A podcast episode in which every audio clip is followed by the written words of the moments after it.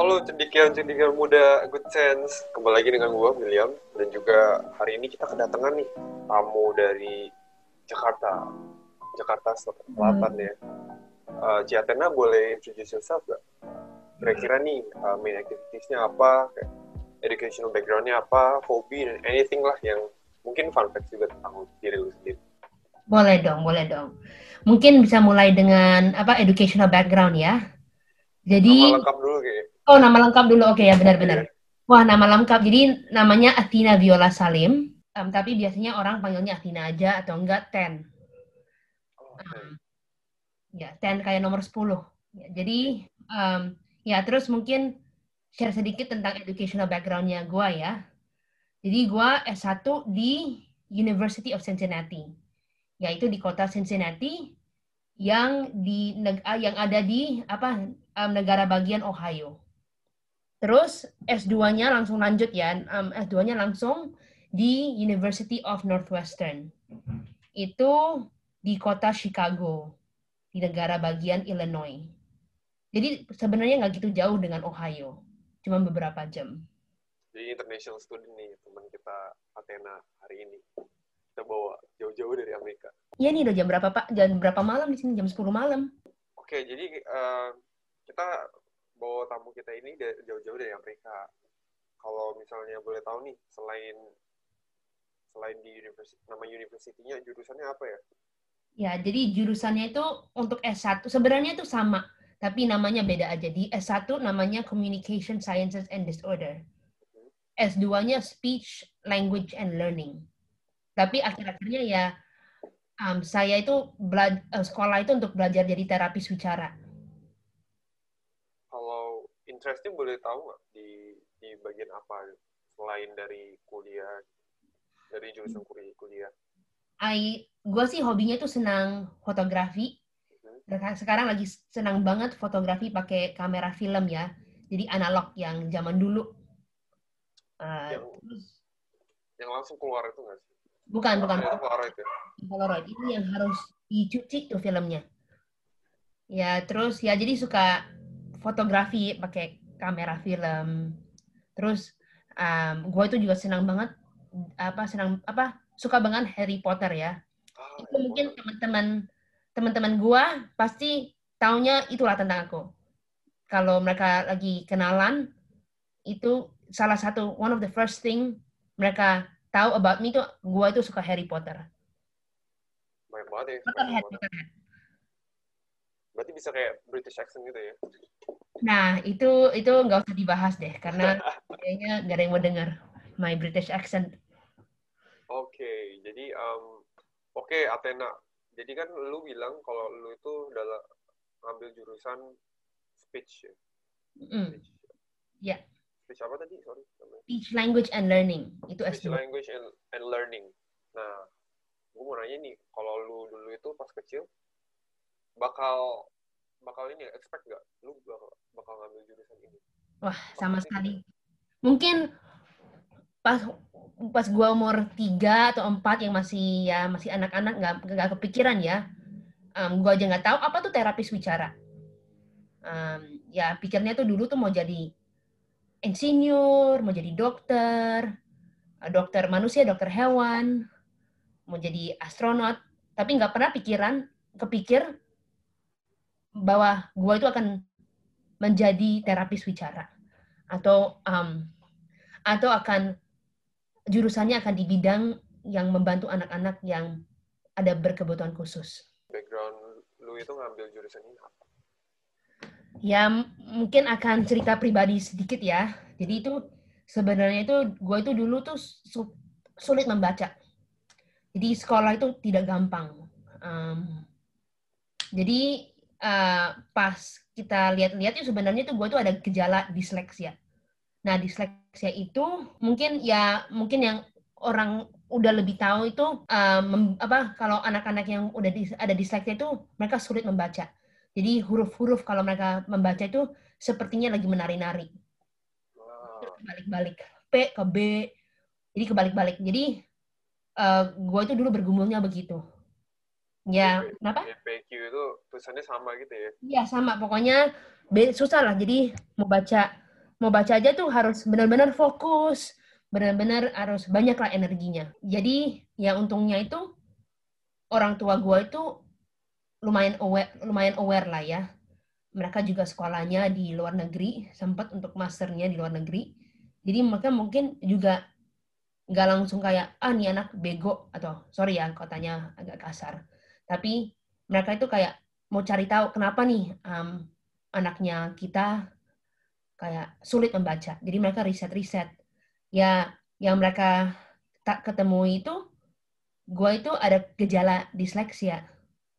Ya, jadi mereka tuh benar-benar support, membantu. Kalau PR-PR gue itu akan di-scan, diperbesar, jadi lebih lebih gampang membacanya. Oh, wow, supportive banget ya. Supportive banget ya. Jadi ya gue untung banget lah ya. Nah, sedihnya itu mungkin karena di Indonesia nggak banyak yang tahu dan kita juga nggak banyak resource-nya, resources-nya kurang. Jadi mungkin anak-anak yang seperti gua yang mungkin perlu extra support, nggak dapat extra support yang mereka membutuhkan. Ya, jadi itulah mulai kepikiran kayak mau membantu anak-anak yang yang mungkin ada berkebutuhan khususnya. Jadi itu mulai impian saya mulai mulai turn to that turn to that direction. Jadi yang gue dapat itu lu tuh masih kayak ada mimpi-mimpi pas kecil yang kayak angan-angan doang, tapi lu juga punya mimpi yang lu realisasikan sekarang. Kayak being a kayak terapis terapis bicara gitu kan karena lu punya lu punya background itu juga gitu. Jadi lu bisa relate kind of relate gitu juga. Tapi lu juga bisa lihat kebutuhannya gitu loh. Kayak bener oh gua gua harus gua harus kayak jadi terapis bicara nih karena gue lihat di Indonesia tuh kurang awarenessnya. Gitu kan? Iya. Nah um, dalam bidang speech therapist ini kira-kira Athena punya kayak goal nggak? Goal long term goal gitu buat buat in buat speech therapist ini. Bisa kalau dibilang career nggak sih? Dengar apa?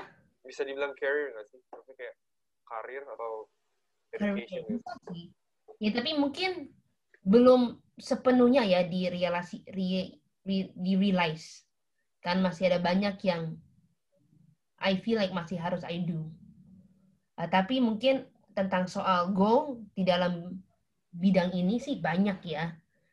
Salah satu impiannya itu saya mau jadi mungkin bisa share sedikit juga. Jadi bisa mungkin build awareness um, for orang-orang yang dengar hari ini ya jadi itu di Indonesia itu sebenarnya setahu gua itu belum ada tes yang standar untuk membantu mengidentifikasi anak-anak yang mungkin butuh terapi wicara. Atau bukan cuma anak-anak ya, orang tua pun juga bisa bisa membutuhkan terapi wicara. Nah, di Indonesia tuh belum ada yang standar. Jadi impian saya itu untuk bisa mendevelop tes yang standar itu. Jadi kita ada yang formal lah. Biasanya kan mereka carinya yang informal dan mungkin nggak ada bandingan dengan normal normal grupnya kan, tipikal grupnya. Jadi gua mau Indonesia itu satu hari punya tes karena di negara lain itu udah banyak banget. Terutama tuh bahasa Inggris ya. Bahasa Inggris itu tesnya udah banyak banget. Nah, bahasa Indonesia hampir tidak ada. Jadi bisa dibilang tuh kayak tes IQ cuma buat orang-orang yang buat identify orang-orang yang mungkin punya special needs gitu ya? Bisa mungkin mungkin um, se mirip seperti tes IQ IQ karena nanti dikompar kan. Hmm. yang seperti apa apa misalnya apa di bawah 50 di, di, di bawah 50 persen. Mungkin um, mungkin bisa dibilang um, seperti IQ ya karena kita mau ada bandingannya kan dengan apa average groupnya. Jadi bolehlah mungkin dibikin seperti tes IQ tapi lebih fokus ke development bahasanya sama development bicaraannya. Sebelum kayak lu punya tujuan buat bikin tes standarisasi ini, Athena, uh, lu punya kayak goals sebelumnya itu nggak? Sebelum kayak itu kan udah pasti kan lu udah pernah achieve goals gitu dong kayak milestones dalam karir lu sebagai speech therapist, lu punya kayak goals yang udah tercapai belum? Goals yang udah tercapai. Mungkin goals yang ter sudah tercapai sih ya lulus kuliah ya karena gimana gue mau praktek praktek untuk men, untuk mempraktekkan apa yang gue udah belajar kalau nggak lulus kan um, dan mungkin sekarang goals yang udah tercapai atau udah mulai tercapai tapi masih ongoing itu blog ya jadi pas gue di S2 gue uh, minta profesor gue bantu gue untuk mulai create website atau blog lah ya untuk bisa raise awareness. Jadi itu bener blog-blognya itu gua apa fokusnya itu untuk uh, apa memberi information ke orang-orang tentang apa communication disorders. Wah menarik banget. Itu blognya kalau boleh tahu dari bahasa Inggris, pakai bahasa Inggris atau bahasa Indonesia? Sekarang masih dipakai bahasa Inggris, tapi uh, lagi lagi ada proses untuk translate. Jadi um, Indian sih maunya ada dua bahasa. Jadi orang-orang yang jadi orang-orang Indonesia juga bisa baca. Menarik banget ya. Ini bakal bagus banget sih buat orang-orang Indo misalnya kayak buat kalian juga yang dengerin uh, tertarik buat masalah-masalah kayak disleksia atau kayak uh, speech difficulties. Kalian boleh ya nanti uh, kita nggak bakal kasih link blog Ciatena di bawah ini di, di description ya.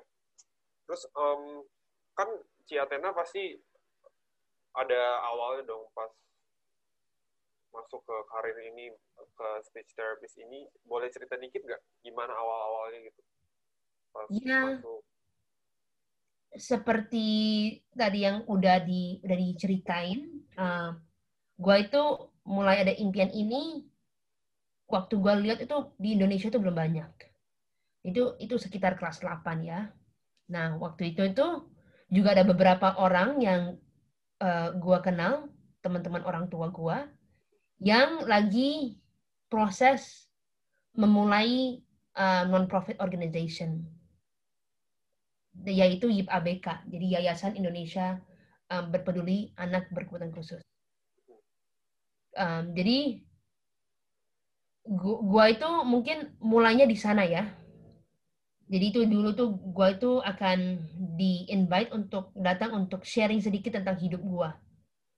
Jadi kan gue kan juga ada pengalaman sulit di sekolah, mungkin ada pengalaman yang um, pokoknya rasa beda sendiri karena kan ya memang ada gejala disleksianya kan.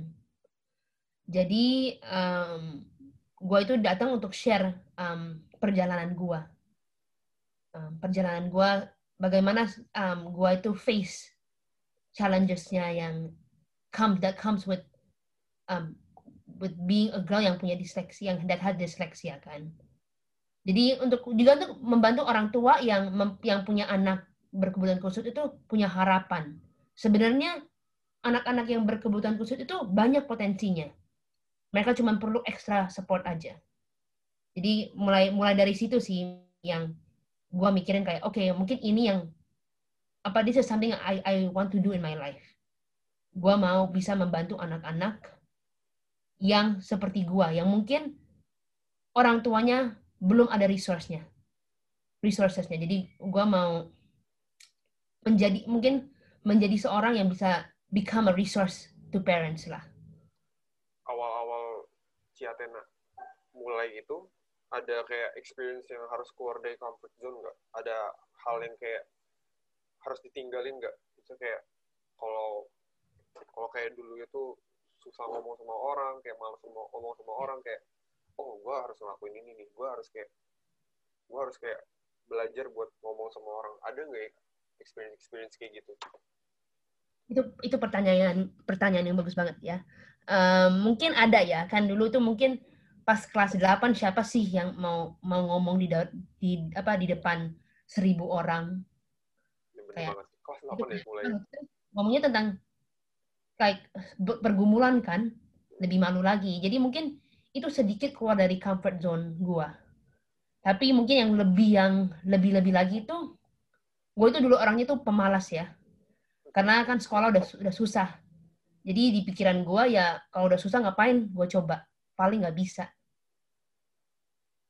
nah itu yang mindset yang gue harus benar-benar berubah ya karena kalau gue mau menjadi resource buat parents, ya gue harus prestasi dong ya. Jadi bisa masuk ke kuliah yang lumayan, Nah, belajar ke luar negeri. Kalau enggak ya sekolah juga nggak akan terima kan. Jadi di situlah, di situlah mungkin saya mulai realize harus lebih berjuang. Jadi ya gitulah mungkin itu yang yang harus diubahkan dulu tuh maunya main-main doang. Um, tapi sekarang itu eh sekarang lagi dulu ya itu bukan sekarang. Um, jadi kelas pas gua kelas 8 mungkin lebih lebihnya tuh di kelas 9 gua tuh lebih fokus sekolah karena gua mungkin ada lebih ada motivasinya lah kayak mau menjadi se menjadi apa support untuk um, apa support untuk um, orang tua kan. Jadi ya nggak boleh malas-malas lagi. Harus harus jadi murid yang baik. Jadi step stepping out of comfort zone-nya Athena ini adalah kayak stop jadi males gitu ya. Terus kayak um, mungkin juga ke segi ngomong di depan umum gitu public speaking gitu juga ya tapi gimana sih uh, gimana sih Athena? Sekarang kayak ngomongnya udah udah lancar banget atau gimana? Kayak itu kan awal-awalnya Ci Athena startnya kayak masih susah ngomong di depan orang apalagi di kelas 8 itu kan kayak susah banget. Itu masih kayak masih ada kepikiran ini kan masih anak kecil gitu. Buat apa kita dengerin gitu? Tapi gimana sekarang? Itu kan that's where you started. Sekarang kayak gimana? Lu udah kayak lancar belum ngomong sama orang-orang atau kayak sekarang apa sih apa sih buahnya gitu setelah lu step out of your comfort zone gitu? Ya mungkin masih ada apa masih ada rasa nervous ya. Tapi mungkin karena udah terbiasa dan gue sih mikirnya itu bukan untuk gue bisa kelihatan keren bisa bicaranya lancar. Tapi yang gue mau sih sebenarnya kalau gue diminta untuk share di depan itu cuma untuk bisa show orang tua bahwa ini bisa. You know, ini gue tuh anak yang dulu, anak yang dulunya malas, mungkin anak yang dulu sekolahnya nilainya nggak bagus, bisa bisa dibilang apa bisa in the end itu they can make it.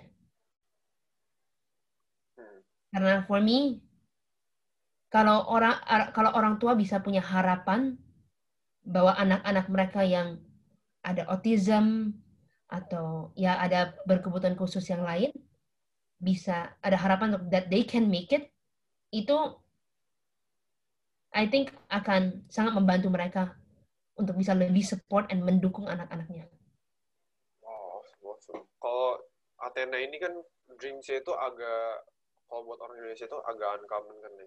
Maksudnya kayak kita di Indonesia tuh nggak ada misalnya kayak orang ditanya mau jadi apa jadi dokter kalau si Athena tuh jadi speech therapist.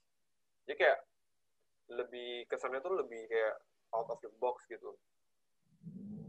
Kayak si Athena tuh ada terima kayak pressure nggak ada dari dari orang luar mungkin atau kayak dibilang kayak ih kok aneh banget hmm. uh, jurusannya gitu. Lu nanti kerja mau jadi apa gitu yeah. how do you handle with how do you, how do you handle with that?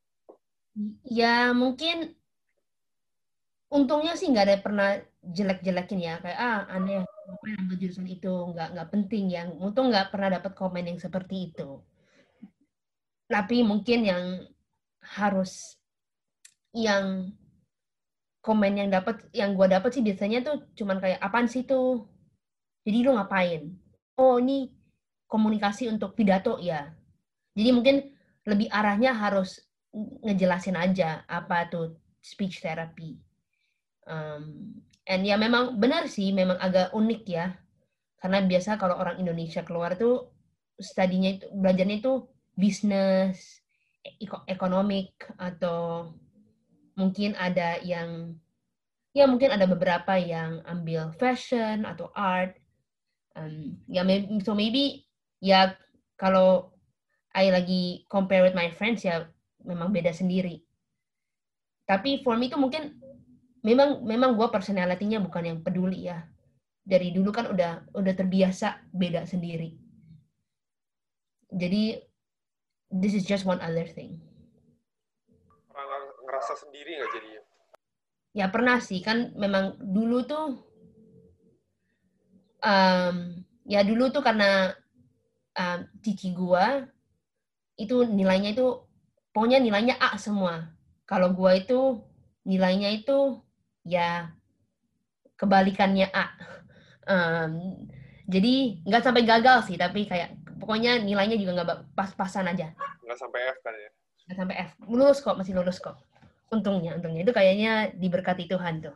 Ya jadi sempet lah um, guru-guru atau teman-teman gue kayak, ah yakin lu apa um, adik, kand uh, adik kandung cici lu, cici lu kan pinter banget, lu kok begitu? That's mean. That's mean banget. Ya, tapi ya memang masih anak kecil kan.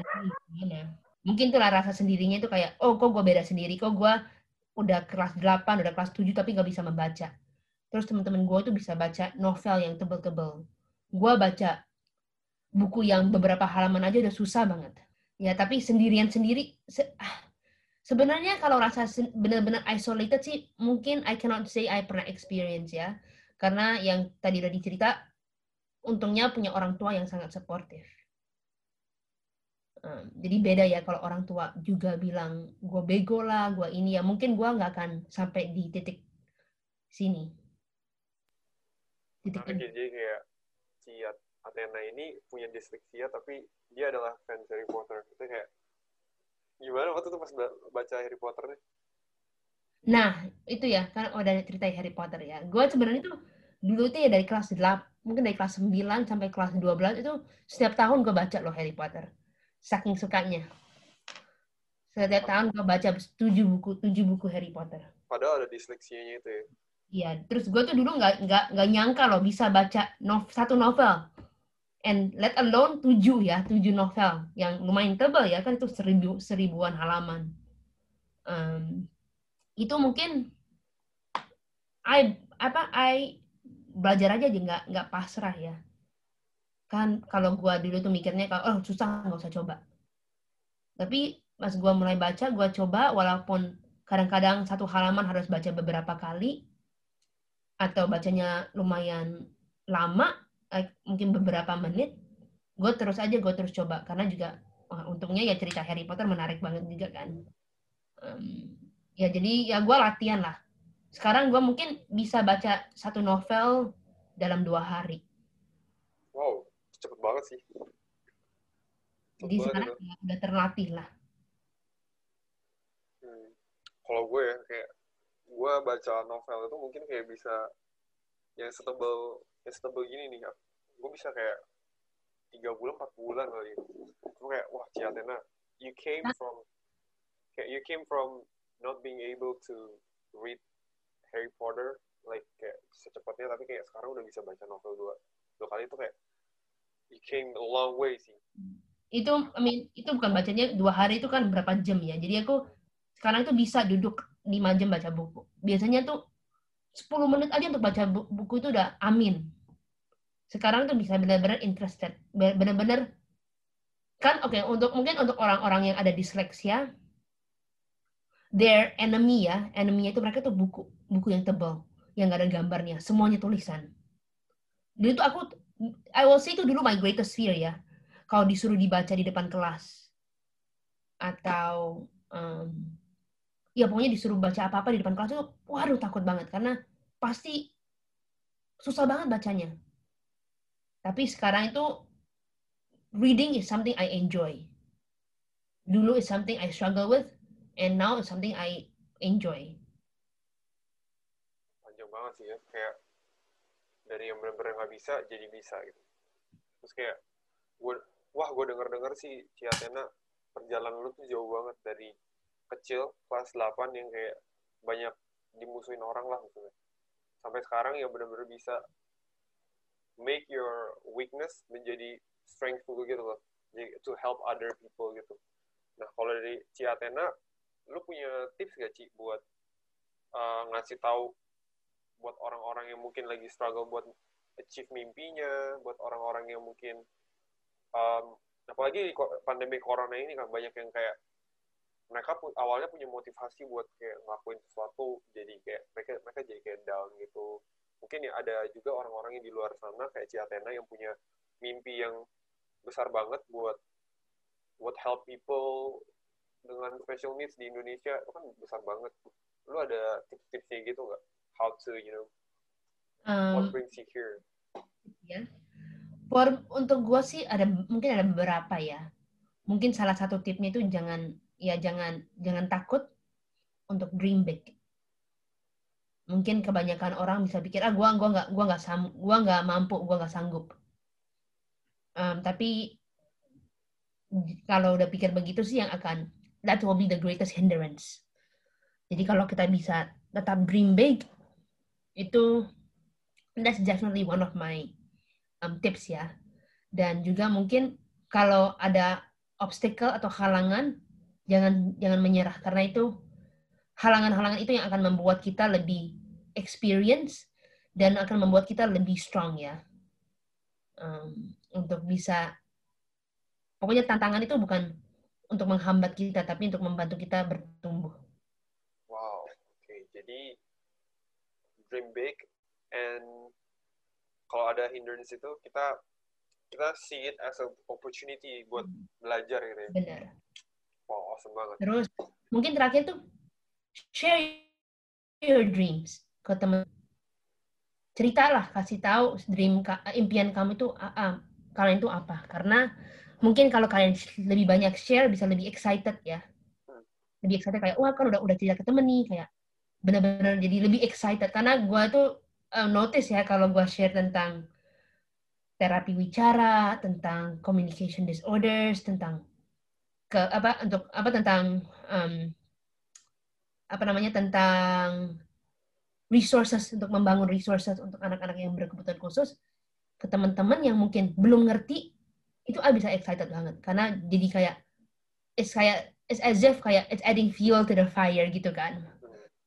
Jadi mungkin bisa share juga. Dan juga teman-teman kita juga ya kalau kalian teman-temannya itu yang true friends they will dukung kalian akan support. And kalau misalnya lagi rasanya low ya teman-teman kalian yang akan be there untuk kayak bisa bisa you have this dream jadi mereka juga bisa bisa menjadi orang yang remind kita kalau kita udah lupa gitu Wah, awesome. Berarti hari ini kita dapat uh, tiga poin ya dari Ciatena. Pertama itu kita harus dream big. Kita jangan kayak ngerasa um, mimpi kita tuh terlalu impossible lah, terlalu kayak apa banget sih gitu. Kayak mungkin ada orang-orang kayak insecure gitu, ah gue gak bakal bisa gue gak bakal bisa. Tapi itu jangan kita nggak boleh mikir kayak gitu. Karena mimpi itu nggak ada yang impossible lah kalau di dunia ini lah ya. Yang kedua, jadi yang kedua itu kita harus melihat tantangan itu sebagai opportunity, kesempatan buat belajar lah. Kadang-kadang tuh, jujur aja ya Ci, kadang-kadang tuh orang kayak gue nih, kalau misalnya udah dapet masalah itu, gue bisa kayak, ah udahlah, gak usah dikerjain lagi lah, udahlah, kayak udah gagal lah, kayak GG fast lah gitu. Kalau ini apa, terms game gitu, jadi kayak udahlah, udah nggak perfect lagi gitu. Tapi nggak salah ternyata kita harus belajar buat ngelihat masalah itu sebagai opportunity buat kita belajar buat improve ke depannya gimana. Buat kayak further prepare kita dalam medan perang lah gitu. Kayak trial and error juga kan nah yang ketiga itu kita harus belajar buat share juga buat ke teman-teman. Mungkin kayak ada orang-orang yang masih malu juga buat sharing. Termasuk gue sih kayak kadang kadang nggak rasa kayak ah kalau udah sharing nanti malah kayak dikiranya ah sok banget nih orang gitu kan. Terus kayak ah nggak mungkin lah di doubting itu. Tapi enggak kita lihat ini sharing itu sebagai hal yang um, buat kayak kita share kesenangan kita lah ke orang lain dan juga kita bisa kayak biar nggak ngerasa sendiri aja nggak sih dalam struggle ini kayak nggak sendiri aja nggak sih di dalam uh, usaha buat nge-achieve mimpi itu Bener nah, dong. Jadi ada temen. Iya, jadi ada temen kayak nggak nggak ngerasa sendiri terus lah. Nah, um, jadi buat hari ini kita udah belajar banyak banget ya dari Ciatena tentang dreaming, tentang uh, struggle dia juga sebagai speech therapist. Menurut gue ini kayak dia banget banget kayak apalagi bawa buat bawa ke Indonesia ya yang masih kurang Nah, guys, um, itu aja buat Good Sense um, baru gue mau nanya. Dari tadi kan Will, Will tanya nih questions. Kalau gue boleh nanya, dreamnya Will emang apa? Oh iya, tanya balik ya. Uh, kalau buat dream gue sih sebenarnya dulu tuh gue mau jadi astronot, tapi sekarang itu karena gue masuk ke farmasi, gue juga ada, ada dream buat di apa ya? Bapak gue sekarang udah udah diabetes kan, gue mau kayak bikin obat-obat buat orang-orang yang mungkin udah tua gitu, kayak ada diabetes, terus kayak nenek gue juga ada yang Alzheimer itu kan belum ada obatnya sekarang jadi gue mau kayak bikin obat buat Alzheimer juga soalnya tuh itu obatnya mahal banget itu terus kayak belum ditemuin juga karena itu bersangkutan sama genetic replication gitu kayak genetik gitu nah terus kayak teman gue juga ada yang kena HIV dulu itu juga gue mau bikin obat buat you know biar bisa HIV-nya itu bisa bebas gitu. Dia bisa bebas dari HIV. Kalau bisa yang nggak tergantungan sama HIV itu sih. Wow. Karena udah ngambil farmasi. Hebat banget itu. Um, from what I hear itu you mau juga bikin apa obat obat yang lebih affordable ya untuk orang yeah, affordable. dan bisa membantu orang-orang yang mungkin kondisinya lumayan kronik. Mungkin bisa dibilang kayak orang-orang yang sekarang lagi research tentang corona ini tentang apa vaksin corona ini terus kayak bisa didatengin ke negara-negara yang mungkin kayak kita third world country itu kan uh, banyak orang yang masih kurang masih kekurangan dan jadi bisa kayak terus gratis lah gitu. Wah, itu hebat banget itu impian yang sangat bagus. Iya sih tapi kayak hebat. Itu deh. Thank you for sharing that. Thank you, thank you juga ya Ciatena buat sharing hari ini. Um, uh, buat week ini tentang Wildest Dream kita sampai sini aja. Nanti untuk si Athena bisa di kita bisa kasih link link blognya di bawah di deskripsi podcast ini ya guys. Uh, thank you guys for tuning in. Uh, good sense beyond knowledge. See you guys later.